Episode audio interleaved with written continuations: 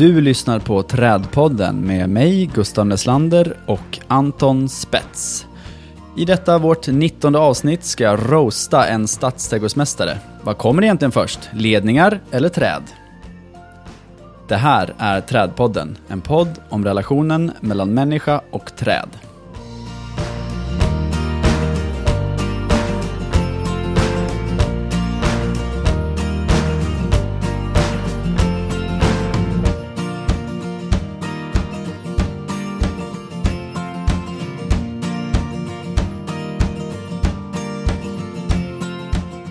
Hallå där Anton!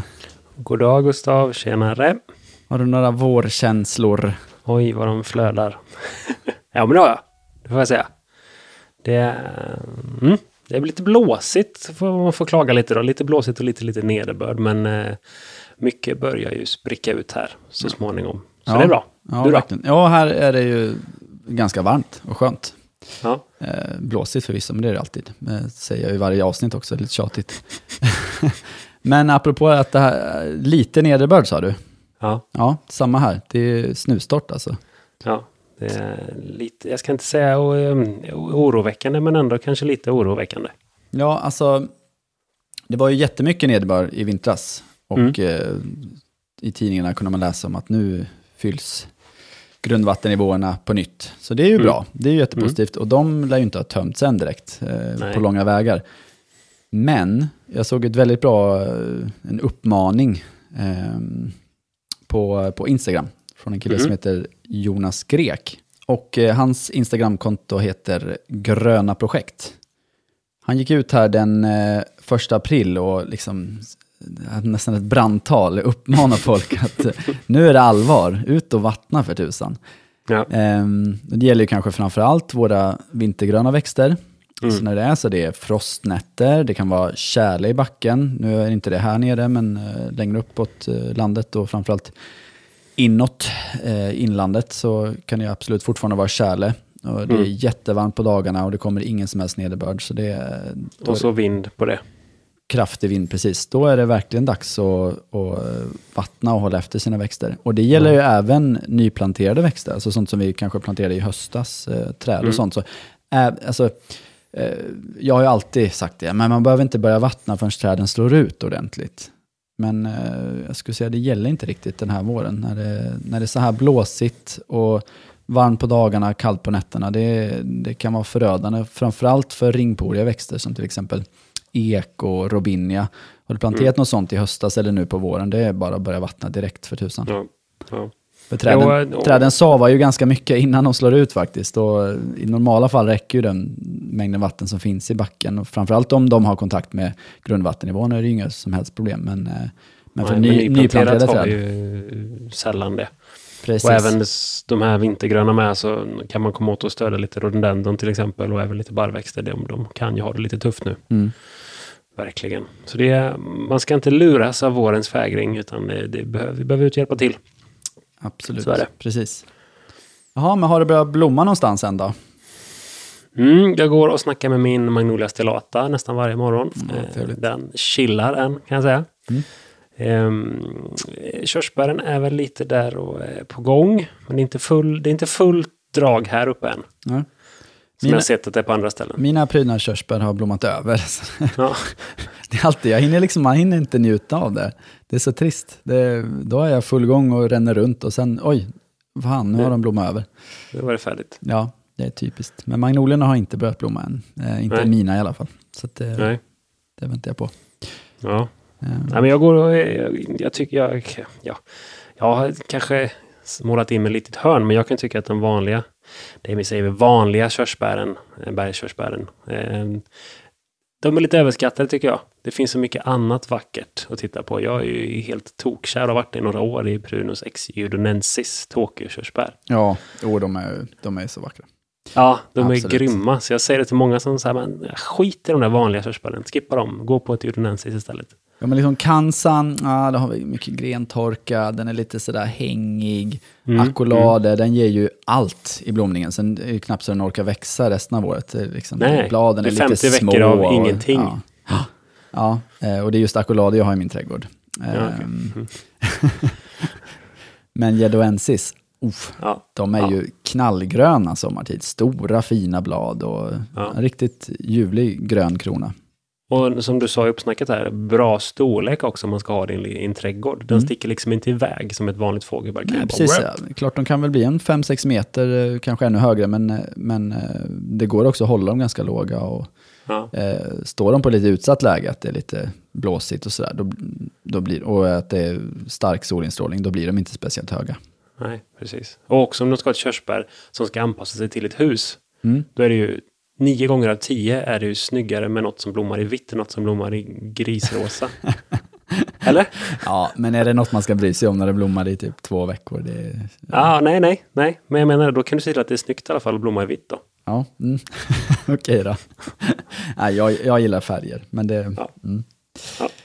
Du, jag har kommit över en eh, gammal insändare från Nej. Borås Tidning. Okej. Ja, ehm, och den, den berör dig här lite faktiskt. Det har med dig att göra. Så jag tyckte det vore intressant att läsa upp den. Den här Mm. är från förra sommaren, 2019. Så det var någon som skickade in den. Jag- Mm. Han har ju skrivit sitt namn, men jag nämner inte det ändå. Eh, bara för att det blir enklare så. Eh, det är en aktiv diskgolfspelare, alltså frisbeegolfspelare, eh, som har skrivit in en insändare här i Borås Tidning. Ehm, han berättar då att han är passionerad av sin sport och eh, ägnar mycket tid till det. Eh, och han tycker det är roligt att allmänheten har fått ett intresse i sporten. Eh, och det innebär ju också att banorna är numera lättillgängliga. Men han menar på att det inte är så lätt att vara frisbeegolfspelare eller discgolfspelare i Borås. För att i Borås, där påtalar man att man måste främja den trädmiljö som finns. Nu citerar jag. Den miljö som åberopas är Ramnaparkens utsökta omgivning för publik och andra nyfikna. Men nu är korgar och utslagspunkter borta och våra gångstråk börjar växa igen. Men vad som är mest slående när vi blir tvungna att flytta vår verksamhet är att missbrukare kommer flytta in i den fina miljön. Stadsträdgårdsmästarens ihärdiga trädkramande har gjort att han nu har fina träd i en park som ingen förutom missbrukare vill besöka. Tack för den tid vi hade i vår centrala park. Anton, vad har du att säga till ditt försvar? Ja. Du kan inte få alla över på din sida. Men du, du sopade alltså frisbeegolfspelarnas eh, bana? Ja, vi tog bort den. Vi flyttade den, ska jag säga. Så vi har byggt upp en ny bana i en annan stadsdel. Ehm, Det som, Det stod det inget Det som- om, så det får du, det, Nej. då har du ett försvar i alla fall. ja, det gjorde vi. Eh, Och vi kommer bygga ytterligare en till som ligger lite närmare den här platsen där vi tog ner den första banan. Mm. Problemet var att de där små rackarna till diskusar var- ganska vassa. Och så som den här banan var layoutad. Eh, den var layoutad, vad ska man säga så här, inte av någon professionell banlayoutare. Så det fanns saker i vägen som visst skulle kunna vara hinder.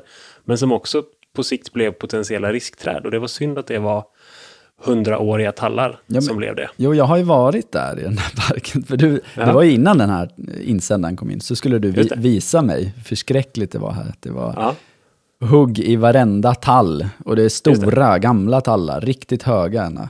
ja. Eh, och det hade väl slutat med att ni satte upp skydd. Mm. Jag fick faktiskt en fråga på Instagram, faktiskt för några dagar sedan bara. eh, av, eh, eh, av Klas faktiskt, Mm. som var med i för två avsnitt sedan från Liseberg. Han hade en kompis som hade varit i Rannaparken. Och så, han bara, nej jag förstår inte vad det här är, jag måste fråga. Så han hade frågat mig. Och eh, vi gjorde stora, eh, vad ska vi säga, tuber av armeringsnät som vi sen satte med eh, b- vad ska vi kalla det, stålband som kunde eh, vidga sig i takt med att trädet växte. Så vi sätter dem runt träden. Mm. Och, eh, några av discogolfarna gillar ju inte dem heller, så de har ju rivit ner dem några gånger. så kollisionen var ju monumental mellan trädintresse och discogolfintresse. Ja, men det är, väl, det är väl härligt att du kan få provocera lite ändå. Ja, Alltså- absolut.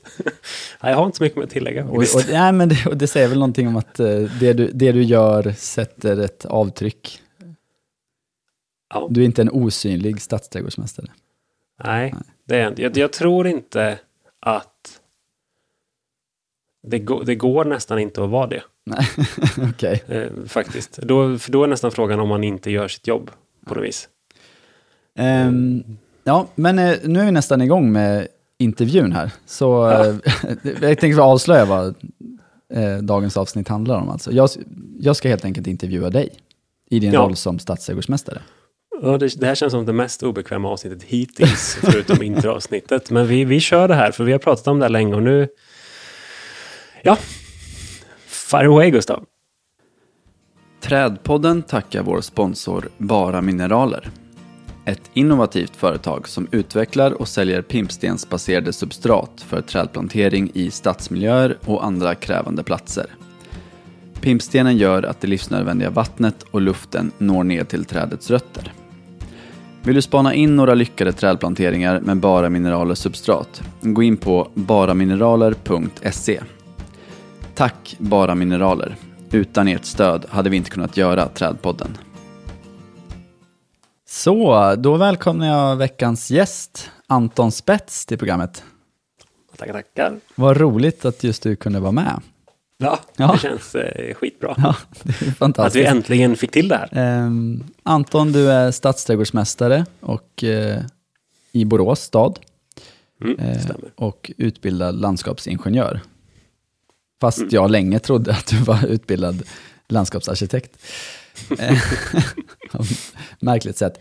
Ehm, Men jag tänker att vi behandlar dig som de flesta andra som, som vi intervjuar i den här podden. Så jag, jag börjar med en fråga som vi ställer till de flesta av våra gäster. Mm. Har du något bestående trädminne från barndomen? Något som har format dig? Mm. Jag vill tro det. Eh, jag kan inte säga att jag förknippar det till ja, en individ, men jag, jag hade en, eh, en väldigt bra relation med min morfar. Mm. Eh, jag hängde där istället för att vara på, eh, hos dagmamma. Jag var hos dagmamma också, men också ganska mycket hos min mormor och morfar. Och han, han tog med mig på mycket ja, naturpromenader ändå rätt. Vi gjorde massa olika grejer. Mm. Vi gick och lockade på älgar och lyssnade på sångsvan. Och det var någon form av indoktrinering som jag tror började redan där. Därifrån kommer din fäbless för Naturmorgon i P1. Exakt, den, den kommer därifrån. Ehm, men sen eh, ett specifikt trädminne är från en, eh, en askallé i den lilla får jag säga, byn jag växte upp i. Det var en väldigt gammal askallé som gick mellan den dåvarande ICA-butiken och kyrkan. Mm. Och den var redan då gammal och rejält ihålig. Så där kunde man ju kila in och ut och ha en så att säga 10 sekunders koja i varje träd när man gick mellan eh, hemmet och dagis. Lite som eh, Pippis sockerdricksträd. Ja, lite så. Fast det fanns, jag tror att man kunde gå in i alla fall fyra av dem. Mm. Ehm, Så det är ett minne som sitter rätt så djupt faktiskt. Ja, så de två delarna tror jag på något vis har lagt någon grund. Mm. Mm. Ja, men vad spännande. Och eh, ja, du får ju dra en korta historia, men hur kommer det sig att du är stadsträdgårdsmästare idag? Ja, ja. Alltså så här, du, är- för att vara stadsträdgårdsmästare är du ganska ung. ja, Ja. det tror jag. Eh, Eller det vet jag att jag är. I alla fall när jag började så var jag ung. Och det är, ja, du är inte ensam tror jag inte, men det är långt ifrån alla stadsträdgårdsmästare som är landskapsingenjörer. Nej, det är inte så många. Nej. Det är inte så många. Eh, nej, men jag var 28 bast var jag precis, ja, eh, när jag började. Så det är... Eh, skulle precis fyra 29, så jag, det är fyra år sedan nu. Mm. Eh, och det, tjänsten kom ut när jag hade ett eh, driftjobb inom Borås kommun, men på en annan förvaltning. För du hade precis avslutat dina studier mer eller mindre. Ja, nej, jag var mellan studierna och det här jobbet så var jag eh, parkchef, alltså driftansvarig på en annan kommunal förvaltning. Mm. Så jag var på utförarsidan och nu är jag på beställarsidan. Ehm, och ja, tjänsten kom ut och det var lite så här, jag måste, köra, jag måste testa för gubbarna tenderar att sitta på de här tjänsterna i 30 år. så här är luckan, nu måste jag prova liksom. Det var så jag, jag tänkte. Nu återstår bara att se om du kommer liksom pa passa in i den fördomen. Jag har ju möjlighet på 40 år nu då. Ja. Ehm, nej, men så, ja, så var det väl. Så det var väl... lite bananskal. Det som var kanske ännu mer bananskal var hur det ens blev studier till landskapsingenjör. För jag vände upp och ner på SLUs utbildning och gick trean först. Mhm. Och jag har jättemånga högskolepoäng om eh, gräs. Mm. Eh, så jag läste golf, eh, golf course management som det hette då. Eh, i ett år och ville jobba med golfbanor och har gjort det innan jag började plugga men insåg att golfbranschen gick dåligt och det var inte så kul. Eh, så då gjorde jag tillsammans med två andra kursare där. Vi liksom skarvade och läste baklänges. Så vi läste 3-1-2 Mm. i den ordningen. All right. Så det var ett bananskal egentligen. Mm. Men eh, okej, så eh, du, du sökte det jobbet och fick det. Ja. Det är Ja. fantastiskt coolt. Ja, det, Men vad, vad gör en stadsträdgårdsmästare då? Ja, alltså, det, det jag vet är ju att du går runt i tweed och spanar på träd och det stämmer väl rätt bra överens med fördomen. Men är det något mer än så man gör? med min tax under armen. Ja, exakt. Det, två saker stämmer där. Eh, jag har inte köpt någon tweed än. Men sitta på träd och tax har jag, men taxen får inte med på jobbet. Eh, det är väldigt mycket sitta framför en dator, eh, tyvärr. Mm. Men det är också lite vad man gör det till. Jag, jag vill ju tro att ett, det här yrket kan skifta lite beroende på vilken stad du jobbar i. Mm. Jag vet att Malmös före detta stadsträdgårdsmästare Ola Melin, Mm. som nu jobbar på eh, Region Skåne tror jag. Han, han blev helt plötsligt ansvarig för Eurovision när det kom till Malmö. Okej. Jag brukar ta upp det ibland när jag föreläser. det- Sådana saker kan hända en stadsträdgårdsmästare. Hade du sagt ja? Det är frågan. Och när det kommit, ja, det är svincoolt. Även om jag har väldigt svårt för Mello. Eh, nej, men med det sagt så tycker jag att det sätter fingret lite på funktionen som stadsträdgårdsmästaren kan ha i en stad. Ja, och jag tror, Eh. jag tror inte att alla som du liksom blir någon slags trädens försvarare. Många kanske jobbar mycket mer med Nej. sommarblomsprogram och annat. Eh, Absolut. Nej, men jag menar det. Det har nog lite med hu- hur, hur staden är, eh, är, är funtad i övrigt och vad man har gjort och vilket arv man har och hur stor staden är och i vilken utvecklingsfas eh, ens kommun är som man jobbar i. Det tror jag spelar mycket in. Men det jag gör är, jag har eh, tre och en halv anställda kan man säga. Mm. Eh, med eh, lite olika bakgrund. Eh, landskapsingenjör, landskapsarkitekt, byggingenjör. Eh, ekonom, ekonom också har jag också. Eh, så det gör att vi, vi täcker in, hos mig ligger både planering och drift, Mm. vilket inte heller är alltid helt vanligt. Eh, vissa stadsträdgårdsmästare sitter bara med egentligen gestaltning eh, och eh, framtida projekt och planering. Mm. Eh, och vissa kan ju då mer tendera att bli någon form av driftchef och bara ha eh, driftansvar helt enkelt. Så jag kan väl tycka att det finns en, jag har en styrka i att ha både och. För då kan jag tillsammans med min personal ha ett, ett helhetsgrepp från planering till genomförande och sen få någonting, få ett resultat som vi också kan drifta på ett bra och ekonomiskt försvarbart sätt. Ehm, långt svar på din fråga. Ja, men eh, eh, alltså, du gillar ju ändå ditt jobb. Eh, och, och, men, men du sa att du, du kanske inte får vara ute i, i, ja, i verkligheten, kanske jag ska säga, men du får inte vara ute i, i stadsmiljön och kika på träd i den, den grad du hade, hade önskat kanske. Nej, men det blir väl alltid sådär att man kan kika tillbaka lite på hur man skulle, vilken kunskap man skulle vilja ha med sig in i ett yrke. Mm. Eh, någonstans blir det så, jag, jag kan ju inte gå så mycket vidare inom min kommun nu, för jag har inte så mycket annat som har med, med det jag gör, att jag kan inte klättra på den stegen något mer. Mm. Eh, och då kanske man, jag hade velat ha med mig mer, eh, något år med inventering till exempel in, det har jag inte med mig. Mm. Men jag har med mig väldigt många år av skötsel från golfbanor och även från kommunal förvaltning då i ett antal år. Mm. Så det är en styrka. Nej, men det, det är klart att även om jag styr över min egen tid så kan jag inte gå och titta på träd i den utsträckning som jag kände att jag skulle ha velat och har ett intresse av. Men vad är, det, vad är det roligaste med jobbet då? Det roligaste med jobbet är, jag brukar ibland förklara det som att det, det, det min enhet gör, eh, vi, vi har hand om sminket eh, och piffet och pyntet i våran stad. Okej. Och, vi sköter, och vi sköter också stadens finrum. Ja, all right. Ja, Eh, I en lite ganska flosklig förklaring. ja det Men kan ju jag vara menar- provocerande att, att du kallar träd för sminket. För någon som Nej, sysslar med det ekosystemtjänster och liksom... eh, Ja, men det är inte det jag menar med sminket, utan då menar jag den eh, delen som kommer till vår, sommar och höst, blommor, lök Mm. och även julbelysning då. Det har ju vi, det är liksom sminket och piffet och det där Ja, ja. som får folk att, att känna att shit, här har någon lagt manken till. Mm. Eh, sen kan man säga att träden är snarare någon form av möblering, men absolut också en ekosystemtjänst. Mm. Men det finns ingen annan som jobbar med, eh, med gestaltning av, eh, av säsongsväxter. Det gör vi, men det finns ju fler som har ansvar för träd. Ja, ja, jag förstår. Så det roligaste är när ni får sätta avtryck? Eller får, får feedback? Eller vad, vad ska man säga? Ja, det, det roligaste är när, när vi, vi lyckas med någon gestaltning tycker jag. Och, och, man, och man kan få människor som inte har varit intresserade innan att få upp ögonen och inse att ja, men, oj, här är någonting till. Mm. Jag ser ju lite det som vi gör när det kommer till sommarblomsprogrammen som en, eh, en form av branding för våran stad. Eh, samma typ av urna som har en viss gestaltning som kanske står utanför centralstationen ska också finnas på andra platser i staden. Och då, Mm. då känner man igen det om man kommer som gäst till våran stad. Ja, just det. Så jobbar många Eh, städer. Ja, men det, det är en viktig grej att förstå det, för förstår man inte det så har vi liksom inte lyckats med någon form av helhet.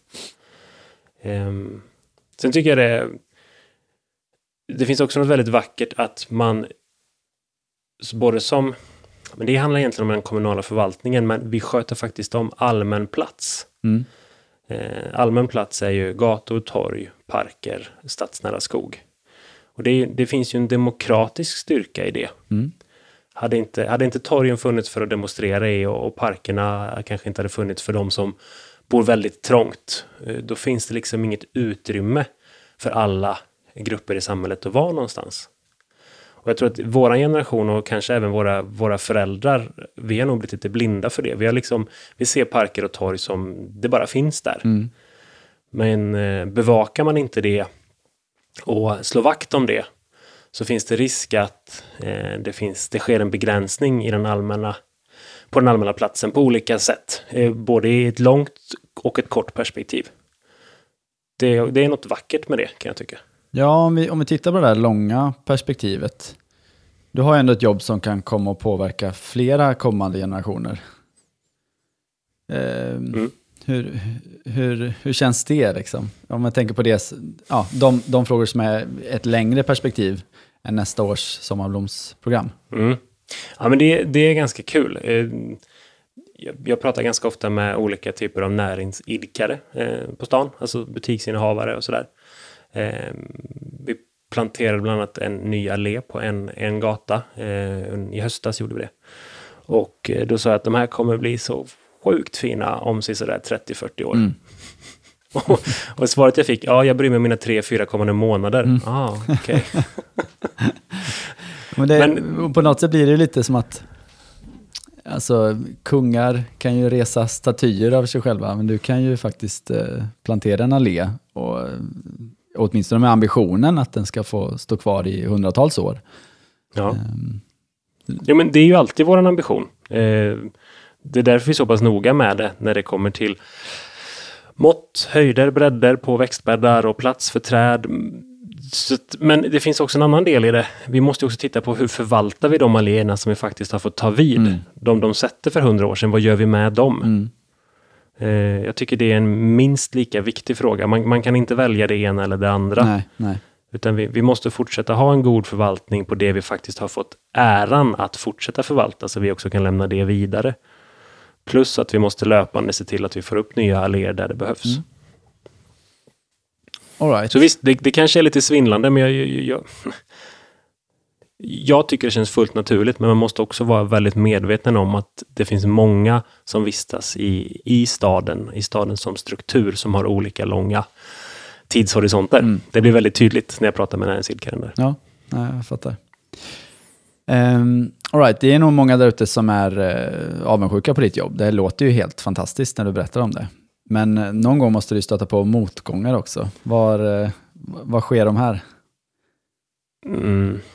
Jo, men det är klart. Alltså det, ett annat sätt att beskriva det vi gör, det är, tänk att du jobbar på ett lager och så är du ansvarig för det lagret. Och så är hela lagret ett stort glashus. Mm. Alla ser liksom in vad du gör. Ja, ja. Du, kommer, du kan liksom inte smussla undan någonting. Tappar jag en pall här från högsta hyllan och den kraschades, men jag sopar in den här under det bortre pallstället här bort bakom. Det är ingen som ser det. Det funkar liksom inte så för våran del. Nej, nej. Ehm, så att, alltså det, det kan ju vara allt från diskussioner kring farliga växter. Det har ju tenderat att komma upp ganska ofta nu mera, tycker jag. Mm.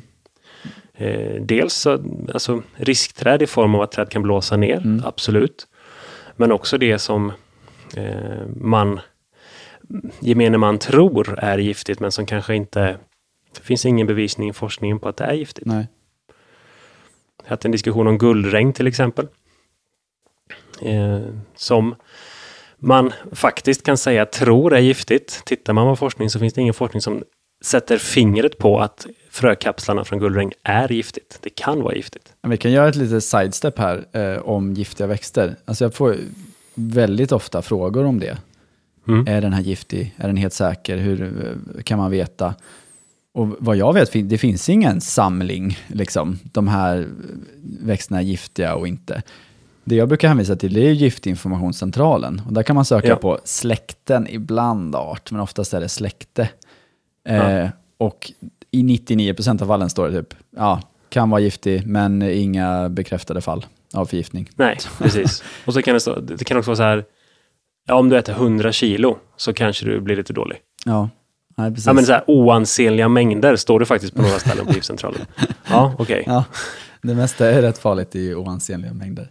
Ja, precis. Och, men med det sagt så tror jag, jag har en liten spaning där, att jag tror att när vi tenderar att bli allt mer urbana så glömmer vi väldigt mycket arv och kunskap som vi liksom per automatik fick med oss tidigare när vi inte var så urbana, när vi inte hade ett, eh, ett förhållande med naturen. Mm.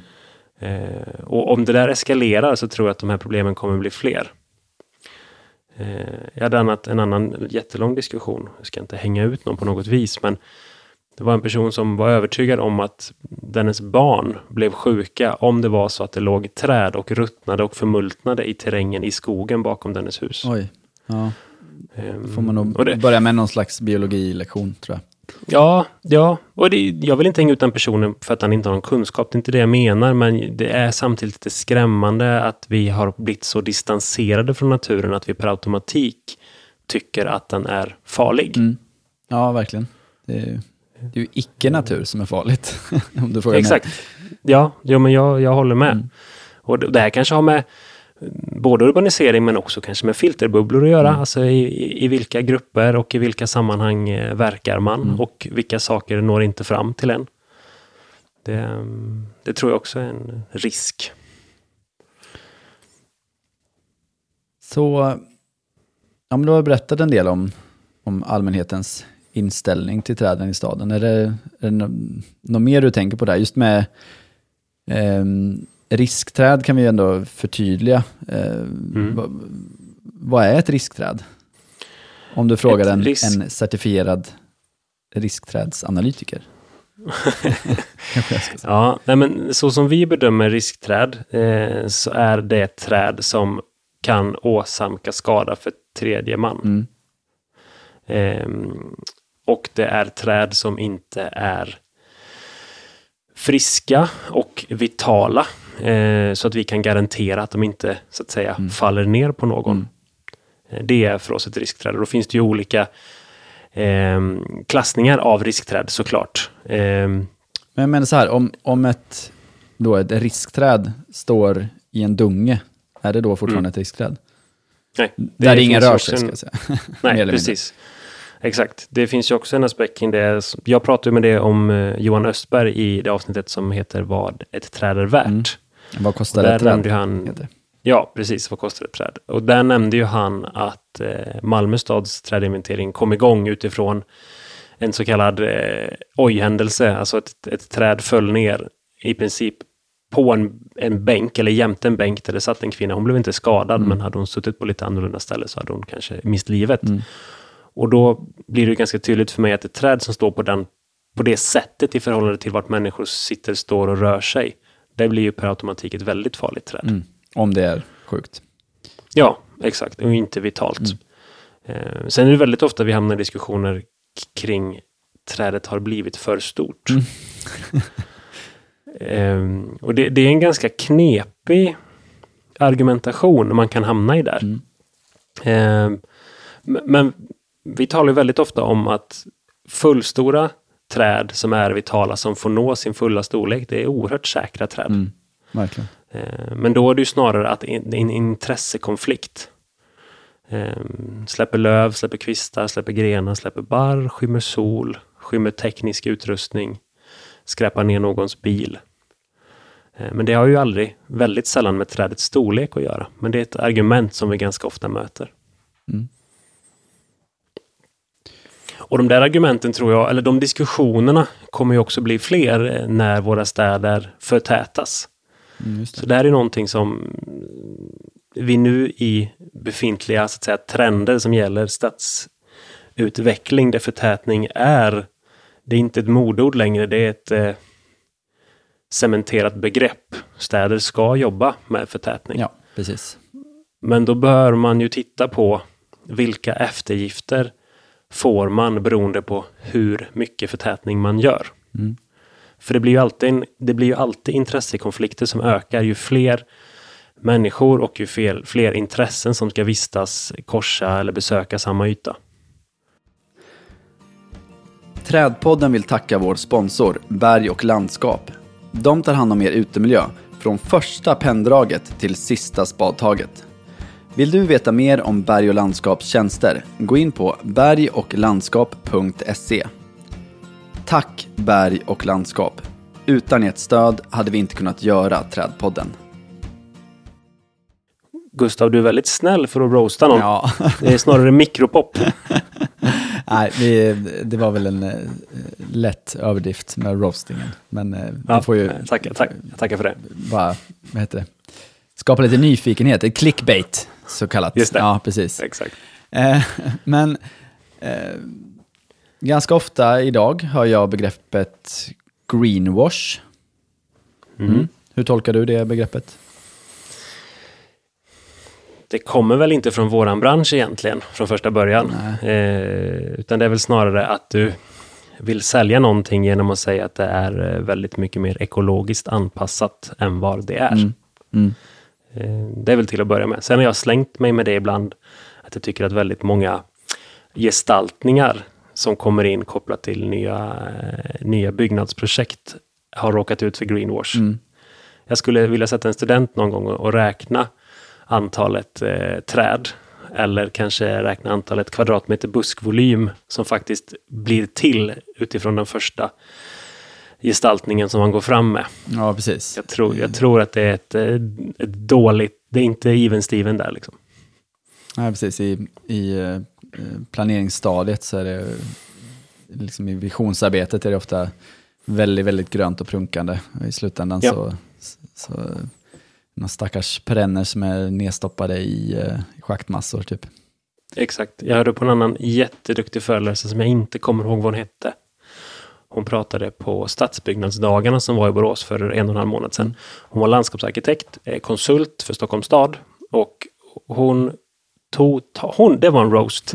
Hon totalsågade eh, det sättet som man bygger takträdgårdar på och hur man visualiserar dem i Stockholm. En annan typ av greenwash är ofta när man gestaltar in träd på, på tak och så gestaltar man in fullstor skala. Det blir inte fullstor skala Mm. på, ett, på ett tak om huset är 12 våningar högt. Nej, nej, verkligen. Det är också lite greenwash när det kommer till gestaltning, Mm. tycker jag. Ehm, men har du någon gång hamnat i en sits där du liksom oavsiktligt måste ta ett beslut som leder till greenwash? Förstår du frågan? Ja, jag förstår frågan och jag tror inte det. Men jag vet inte om jag är rätt person att bedöma mig själv heller. Ehm,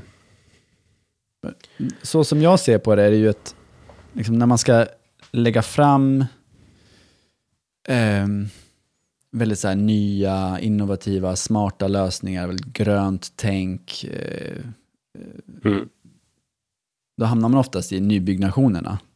Mm. Ja, det Det är det som är liksom, det, det är där det händer. Ja. Och det är också där det finns budget att testa nya grejer. Ja, precis. Men att faktiskt förvalta, renovera eh, och sköta om eh, både, alltså jag tänker förgårdsmarker, alléer, gator Mm. och torg och gamla byggnader. Mm. Det måste ju alla gånger vara mer eh, liksom, ekologiskt, mer, eh, mer klimatsmart än att bygga nytt. Det är ju bara att titta på, alltså, det är, tycker jag är en jättetrend i samhället i stort. Eh, om du säger att du jobbar med nyinvestering, eh, exploatering eller att du jobbar med förvaltning. Mm. Vad vill du välja då? Mm. Nej, Hur sexigt är förvaltning? nej, jag har varit på väg. Och det är egentligen i förvaltningen, alltså kan vi förvalta saker? Förvaltning är ett väldigt vackert begrepp till att börja med. Mm. Jag tycker det hänger ihop med det jag sa innan kring allmän plats. Alltså man, man får uppdraget att förvalta någonting och det gör du inte genom att du börjar på rutan, eller du börjar med ett blankt blad och slutar med ett blankt blad, utan du tar ju vid någonstans där det finns någonting och så ska du utveckla det sen ska du lämna den stafettpinnen vidare. Mm. Det innebär förvaltning. Men det är ju väldigt lätt att ta till begrepp, vi bygger om den där grejen. Mm. Och den här grejen kan ju vara en plantering till exempel, för man har inte förvaltat den på rätt sätt. Nej, precis. Nej, ta in en grävmaskin, ny växtbädd, ny dränering, eh, nya växter och så kör vi igen. Mm. Det går ju, men eh, jag tycker att det är fel. Mm. Eh, till exempel den, den väldigt vackra krypenen jag fick se när jag var på Liseberg. Mm. Jag tror jag brast ut det. Det där kan du inte köpa, det förvaltar man fram. Ja, precis. Och det, det tyckte jag var så himla tydligt. Det, det finns något vackert i skötseln och att vi kan, vi kan sköta saker så att vi får fram ett resultat. Eh, bara det att vi flyttar träd är en annan sak. Mm. Eh, du och jag har haft diskussion om att eh, flytta hästkastan till exempel. Mm. Hur mycket mer rätt det är istället för att köpa in en ny. För vi dels kommer vi få in sjukdomar Mm. eh, och dels är det inte speciellt dyrt att flytta. Sen kan vi flytta betydligt större individer idag som faktiskt inte går att köpa. Mm. Eh, vi flyttade tre stycken oerhört vackra trollhasslar för tre, fyra år sedan. Mm. Om man skulle sätta in dem i en kub så skulle den kuben mäta 3,5 gånger 3,5 meter. Ja. Det var som, som tre stycken monster vi flyttade. Helt orimligt att köpa för pengar. Ja, såklart. Det, det tycker jag ingår. Det är ett förvaltningsansvar. Och vi behöver bli bättre på att sälja in termen förvaltning. Så alla ni förvaltare som sitter och lyssnar där ute, sträck på er. För fan. Ni, ni, ni gör en riktig miljögärning och, eh, Ja, och jobbar verkligen för framtida generationer. ja verkligen. Det är inte bara nybyggnationen. Nej, exakt. Det är, kommunal budget är väl också ganska mossigt att prata om, men det finns också en problematik kring kanske hur våran bransch lyfter fram nyinvesteringar, skulle jag nog säga ibland. Alltså, vi måste också bli bättre på att tala om vi behöver göra nyinvestering, men med det måste vi också få medel till att sköta det. Mm. Ehm, och då kan man ju visa på fördelar med att göra nyinvestering, att vi sen gör besparingar i det långa loppet när det kommer till driftkostnader. Men eh, någonstans är det en helhet som vi måste komma ihåg. Mm. Hur ser då dina långsiktiga mål ut vad gäller Borås stads trädbestånd? Mm. Ehm, Om du ska försöka ganska- sammanfatta det. ja, det är det jag försöker göra. Ehm, det vårt trädbestånd ska bli ehm, klimatsmart utifrån att det är anpassat för rådande klimat och kommande klimatförändringar. Mm. Eh, och då behöver vi fortsätta att utveckla eh, genom att plantera fler olika typer av träd och olika arter. Eh, vi kan inte fortsätta jobba med samma inhemska arter hela tiden. Det, det, det säger vi i varje avsnitt, men det är jätteviktigt för oss. Vi måste, jobba, vi måste lyssna på vad branschen säger, vad forskningen säger, vad andra städer testar eh, och haka på det och våga prova nya stadsträd. För eh, vi kommer bli av med flera grupper framgent. Eh, amsjukan kommer vi behöva brottas med nu. Vi ska köra en vaccination här inom en månad. Eh, det går hårt åt ask, det går hårt åt björk som inte blir speciellt gammal i stadsmiljö Mm. längre. Eh, så det är en jätteviktig puck. en annat viktigt mål är att de träden vi planterar ska få så goda förutsättningar det bara går att nå full storlek och få bli så, få, få vara så vitala det bara går. Mm. Um, och det kan ju kanske faktiskt ibland leda till att nej, i den här miljön kan vi inte prestera ett träd som levererar. Vi måste hitta en annan lösning. Uh, kan det vara att vi kan få fastighetsägaren att jobba med gröna tak eller gröna väggar? Men eh, nu är inte det så, så vanligt, men ibland kan det leda till att nej, vi ska inte ha träd på den här gatan, för de kommer inte leverera. De kommer bara kosta oss pengar Mm. och kan tendera att bli riskträd. Där kan man tänka på ett annat sätt som Malmö stad gör i de fallen. Där använder de begreppet gästträd. Att Ja, ja, nej, det den här platsen är inte tillräckligt bra, men eh, vi kan ändå ha ett träd som presterar här i 20 år kanske och sen får vi byta Mm. ut det. Ehm, Mm. Men Säljer man in det på det sättet så kan det nog funka. Ehm, men eh, återigen, det, man ska också kunna vara så pass kunnig och stolt inom sitt ämne och säga att nej, det här är inte tillräckligt bra. Mm. Vi gör någonting annat någon annanstans. Mm. Ehm, Det tror, jag, det tror jag är en viktig aspekt, för vi, vi kan inte sätta träd till varje pris, eh, men vi kan samtidigt förändra väldigt många andra aktörer i centrums syn på träd och, och få dem att förstå att det går att hitta lösningar eh, med tekniska hjälpmedel för att allting som behövs i en stad ska kunna samsas. Mm. Du eh, brinner ju verkligen för träden. Det vet vi redan vid detta laget.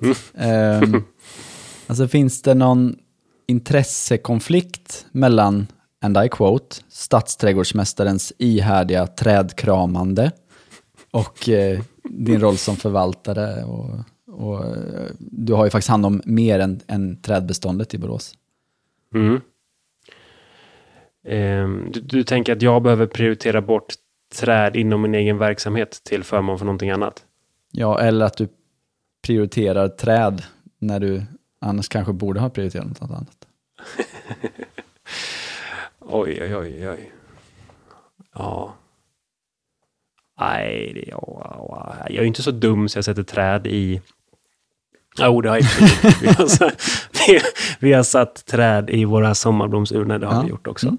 Ehm, eukalyptus som hade en vansinnig tillväxt 2018. Vi hade tillväxt på mellan 65 och 80 centimeter på eukalyptus. Ja, där har vi det. Greenwash. Ja, ja, ja, ja absolut.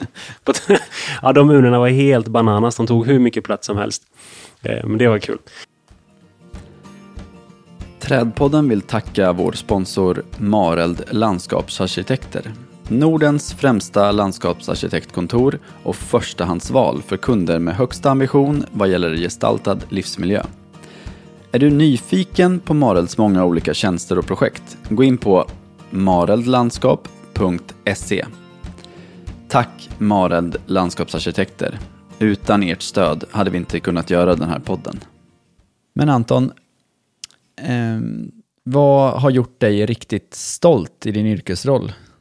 Har du något praktiskt exempel? Mm. Eh, jag tror det går lite hand i hand med det som vi har pratat om kring den här podden faktiskt. Mm.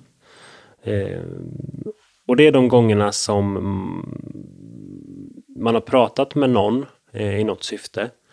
Eh, kanske börjat, samtalet kanske har börjat med att vi inte har varit överens. Det kan vara om ett träd till exempel. Mm. Eh, och så får man diskutera en stund och så får jag förklara våran bild av saken och varför vi gör som vi gör. Eh, det kan vara allt från förvaltning till nyplantering till fällning av träd.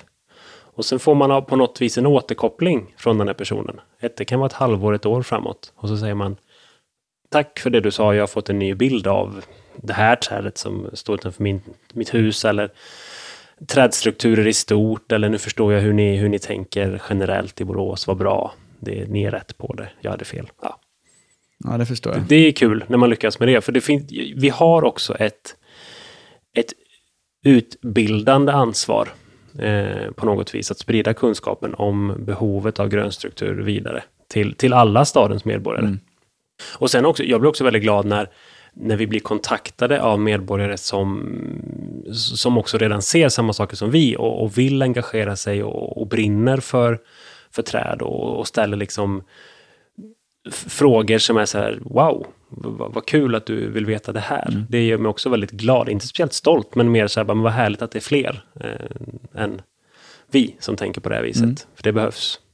Ja, men, eh, ja, som sagt, eh, vi är nog många som är lite avundsjuka för din roll. men du, du ska vara glad över ditt jobb. Jag tycker det låter väldigt härligt. Ehm, du som känner till alla vrår av Borås, Mm. vad måste man se som besökare i Borås? Om man är... Ja, om man är trädintresserad. Jag tycker att, om vi kan börja där, det är lättast. Jag Nej, tycker att oavsett man ska, om man är trädintresserad eller inte så kommer ju stadsträdgårdsmästaren tipsa om någon plats med vackra träd, tänker jag. Ja, så är det. eh, jag, jag, vi har tjatat om det här innan, eller jag har gjort det.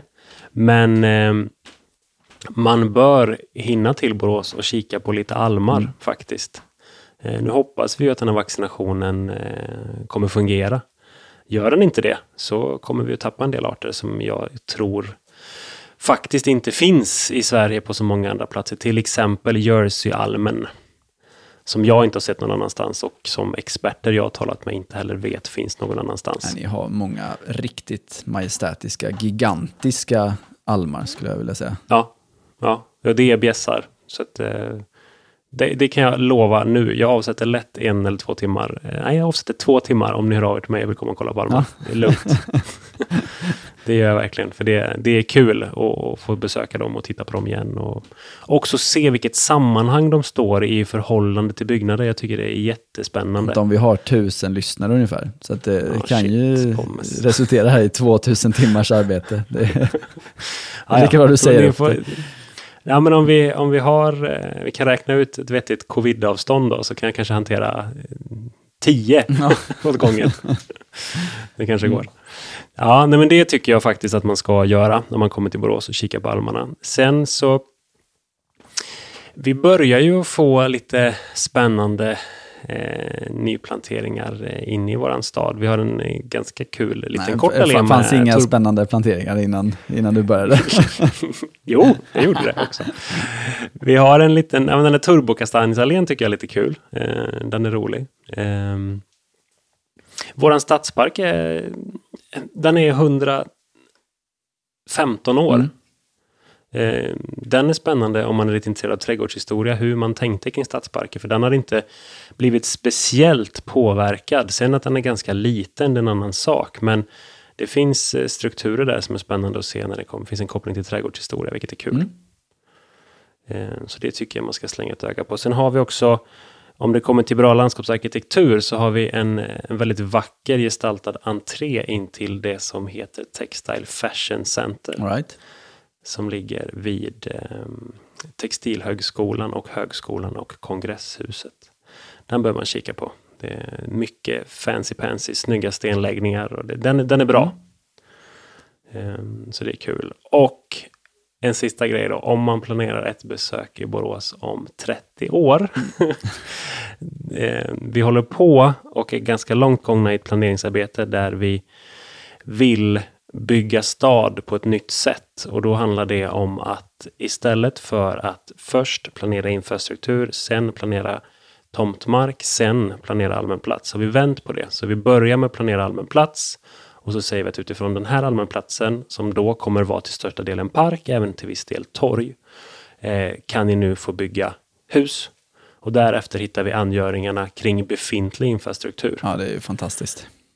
Ja, det vi, vi jobbar ganska hårt med det här, eh, en grupp, eh, och vi har börjat så att säga prova det här som koncept på vissa delar i staden. Eh, Men vi har inte så långt gångna än, men vi vill då få en park som binder samman norr och söder. Eh, Två stora naturområden. Det ena är ett jättevackert naturreservat som heter Ryaåsar i norr. Och då ska man från centrum kunna sätta sig på en cykel eller gå och då på cykel nå ett naturområde på en kvart. Antingen du åker norrut eller söderut från centrum. Och där utifrån då tror vi att man kommer få väldigt attraktiva, framförallt bostadslägen men även mindre, mindre näringsidkare och service, servicebyggnation. Ja, det låter som att eh, Borås kämpar mot sitt eh, rykte som en tråkig stad med dåligt väder. Um, det, gör ni rätt i. Um, Ja. Jag kan ju bara tipsa alla om att åka till Borås. Jag tycker det är en väldigt vacker stad. Det är ett trevligt centrum att strosa runt i. Och, eh, om man gillar det här eh, industrihistorien som till exempel eh, Norrköping har eh, Mm, och är mm. väldigt känd för så skulle jag säga att Mm. Borås eh, industrihistoria är minst lika påtaglig i, i centrum och väldigt, väldigt Ja. eh, trevlig att röra sig i. Ja, kul. Ja, men Norrköping är ju en, en kusin till oss kan Mm. man ju säga på den. Vi har ju samma historia. Till viss del. Men det finns ändå tydliga skillnader som är spännande att se. Mm. Har man både besökt Norrköping och Borås så är det kul att se. Ja. Kul att höra. Men du, vi har varit och nosat på ämnet några gånger här. Eh, vi har försökt att prata om intressekonflikter och eh, va- vart du stöter på motgångar. Nu, nu får Mm. vi gå till kritan här egentligen. Vad, vad är egentligen viktigast, ledningar eller träd? Träd, punkt. Okej. Anton, det märks ju att du gillar att prata. Nu har du fått pladdra på så det räcker tror jag. Eller Ja. vad känner du? Ja, sjukt jobbigt. Men jag hoppas att jag kunnat ge en bild av eh, vad jag gör när vi inte gör podd. Och alla ni som funderar på att plugga till någonting som kan leda till att få en tjänst som stadsträdgårdsmästare, tveka inte, det är superkul. Mm.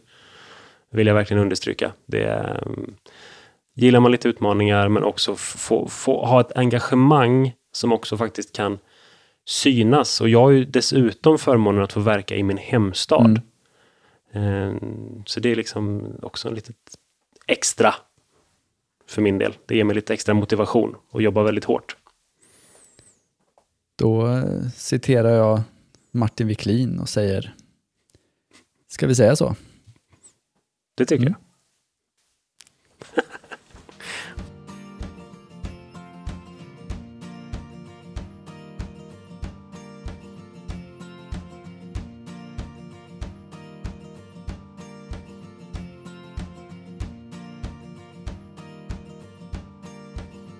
Så, det var eh, intervjun med veckans gäst, Anton Spets. Vad tyckte du? Har du några kommentarer?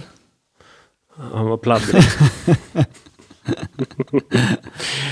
Nej, men eh, jag tycker det var jättetrevligt och kul att få lite mer insikt i hur du och många andra stadsträdgårdsmästare jobbar, tror jag.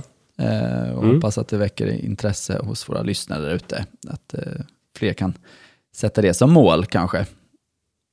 ja, det hoppas jag verkligen. Ehm, men då var vi väl färdiga för den här veckan. Mm, det var vi.